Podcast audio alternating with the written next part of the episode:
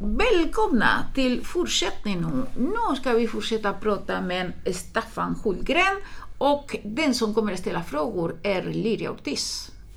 Vad är rimligt att uppnå med en fyra dagars utbildning? Vad tycker du om det?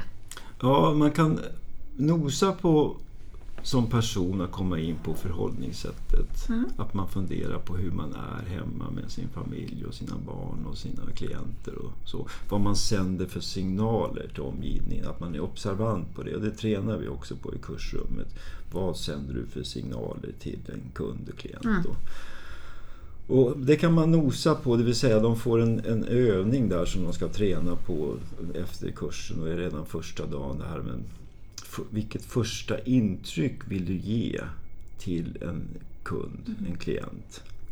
Så du har två minuter på dig. Och då är, är ingången det då att du, att du hittar en, ett sätt att möta kund så du visar att den här träffen handlar om dig, inte om mig. Så man pratar inte om sig själv de två första två eller fyra minuterna. Utan man pratar om dig. Välkommen hit, hur kommer det sig att du är här och vad har hänt och hur är du intresserad av det här och så. Och, och så bubblar man på helt enkelt.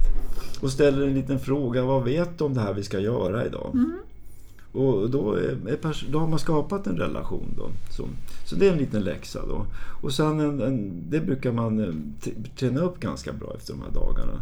Och sen också att man blir skicklig på att göra små sammanfattningar och att man får träna mycket reflektioner. Det jag känner att under alla år att, att det är vad man kan uppnå Ja. i samtalen. Att det här första intrycket, komma in i förhållningssättet och sen då bli skicklig på att sammanfatta, göra enkla och komplexa reflektioner. Att man fortsätter träna på det. Och sen när man kommer tillbaka kan man börja träna på strategier. Hur man tillämpar det här, hur man, hur man kan leda en mottagare olika vägar beroende på vad som händer i samtalet. Då. Vad personen säger, hur man plockar upp de här orden och går vidare. Precis. Men det är en rätt lång resa. Skulle du säga till oss, eh, de, som, de andra som tränar i motiverande samtal, att det är någonting som man kan säga, skulle man kunna sträva efter? Att man ska ta till sig eh, förhållningssättet? Är det så som du skulle råda oss att göra eller komma med, med som förslag? Ja, vi är ju alla olika. Det här passar ju i min pedagogiska plattform. Ja. Eh, Att den första dagen jobbar vi bara med förhållningssättet. Vem är jag och vad har jag för kvaliteter? Och hur passar det in i MI? Och sen kan man börja bygga på då med sammanfattningar och reflektioner och allt det här. Då, så.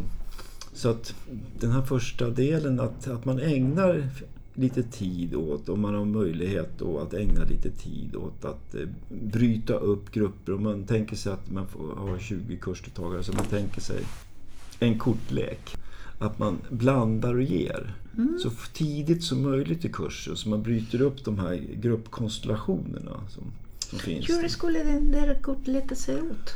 Ja, genom att man gör samtalsövningar då, väldigt lätt. Eh, Det kan vara man gör en återblick eller vad, vad, vad vet du om MI och mm, den här övningen som jag berättade om dig med personliga egenskaper som man kan göra efter en 20, en 40 minuter eller så, en timme.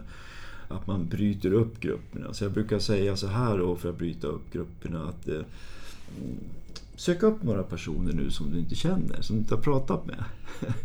och så mm, bildar ni en liten grupp och när ni har bildat gruppen ska jag gå igenom övningen.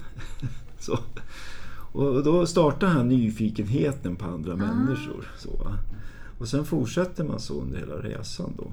Att um, de här gruppkonstellationerna kan blockera hela gruppen, hela deltagaraktiviteten. Om, om det är någon grupp som, som, som inte lyfter riktigt så kommer, kan det dra med sig de andra och tvärtom. Då. Så när man blandar upp det här så, så försvinner allt det där prestigen och hierarkin. Så. Precis, för då kommer vi in på något annat som är också som eh, du har också upplevt och det är den här vad eller hur gör du när en person inte vill delta, till exempel i rollspel, eller säger saker som den här metoden inte passar mig, eller jag kan redan den här. Eller personen har blivit tvingad att vara där. Ja, precis. Hur, hur hanterar du sådana situationer, Stefan? Ja, jag börjar ju alltid med men tack för att du berättar. Det är klart att du inte behöver vara här. Det är klart att du inte behöver vara med på övningarna. Utan om det är okej okay, så får du gärna vara här. Du kan sitta och lyssna, du kan ta del av aktiviteter och så, mm, så är du med på dina villkor. Och man behöver inte gilla MI, säger utan jag går igenom det här och, och sen får du se om du gillar någonting och då kan du ta det i så fall. Annars kan du bara se, vara med här och se vad det är för någonting. Mm. Väldigt accepterande. Så ja. där tillämpar du väldigt mycket med förhållningssättet. Precis, och, och eh, så ja, under åren så det kan vara folk som inte vill gå in i en övning och då mm. behöver de inte det. Och de, jag, jag har flera sådana situationer utan att gå in på exakta fall så där, där, där ja, men jag kan det här. Jag behöver inte gå på den här kursen utan jag vet precis och så. Och sen också, hörru jag behöver gå hem tidigt nu i, idag och sen vet jag inte om jag behöver komma imorgon. Och, och sånt möter man ibland när man blir ålagd att gå en kurs. Då. Och då, ja men tack för att du berättar det för mig. Det är klart att du, du kan vara med på det som passar här och det som gör. Du behöver inte vara med på allt. Och, eh, du kan absolut, och så, känner du att du behöver gå imorgon så kan vi prata om det lite senare idag, brukar jag säga. Så att jag släpper inte taget utan jag säger, ja, men känner du att du behöver gå imorgon och inte vara med så tar vi det lite senare. Hur reagerar folk på det? Ja, de slapp, axlarna åker ner.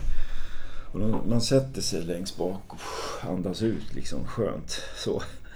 Och sen ser man under förmiddagen när vi gör de här övningarna som är väldigt generösa och trevliga och alla människor gillar att få bekräftelse på vem man är. Så att man, man mår gott av det. Mm. Så att det luckras upp med den där första övningen. Ja.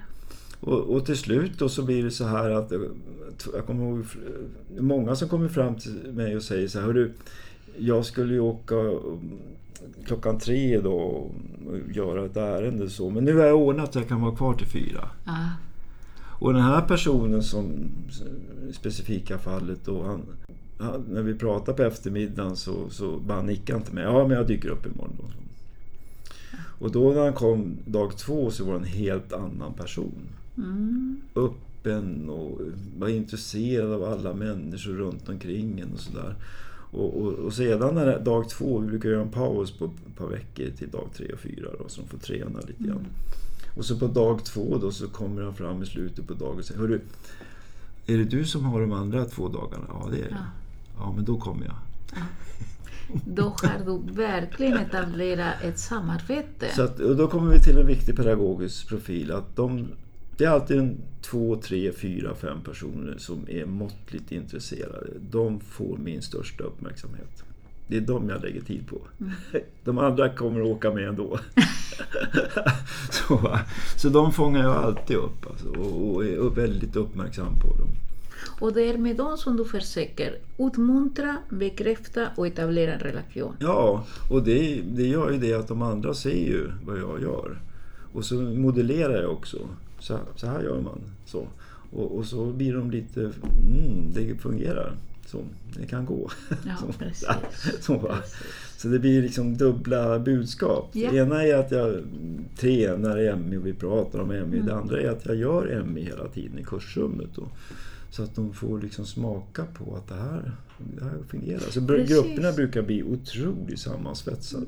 Efter Precis, för vi vet att ja, lärarens eller gruppledarens beteende kommer att påverka gruppen väldigt starkt Absolut. i en viss riktning. Absolut. Och precis det du säger, om du tillämpar EMI, du visar att du är konsekvent. Ja. Det kommer att spridas.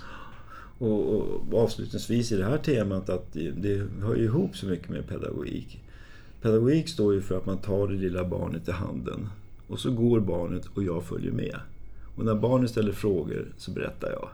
Det är liksom grunden på pedagogik. Att se människan, följa med på din resa och vara en vägledare, en bundsförvant under den här resan. Så. Och det passar så väldigt bra in i MI-förhållningssättet. Att man följer med en annan människa på deras resa. Och om vi koncentrerar oss en stund på pedagogiken.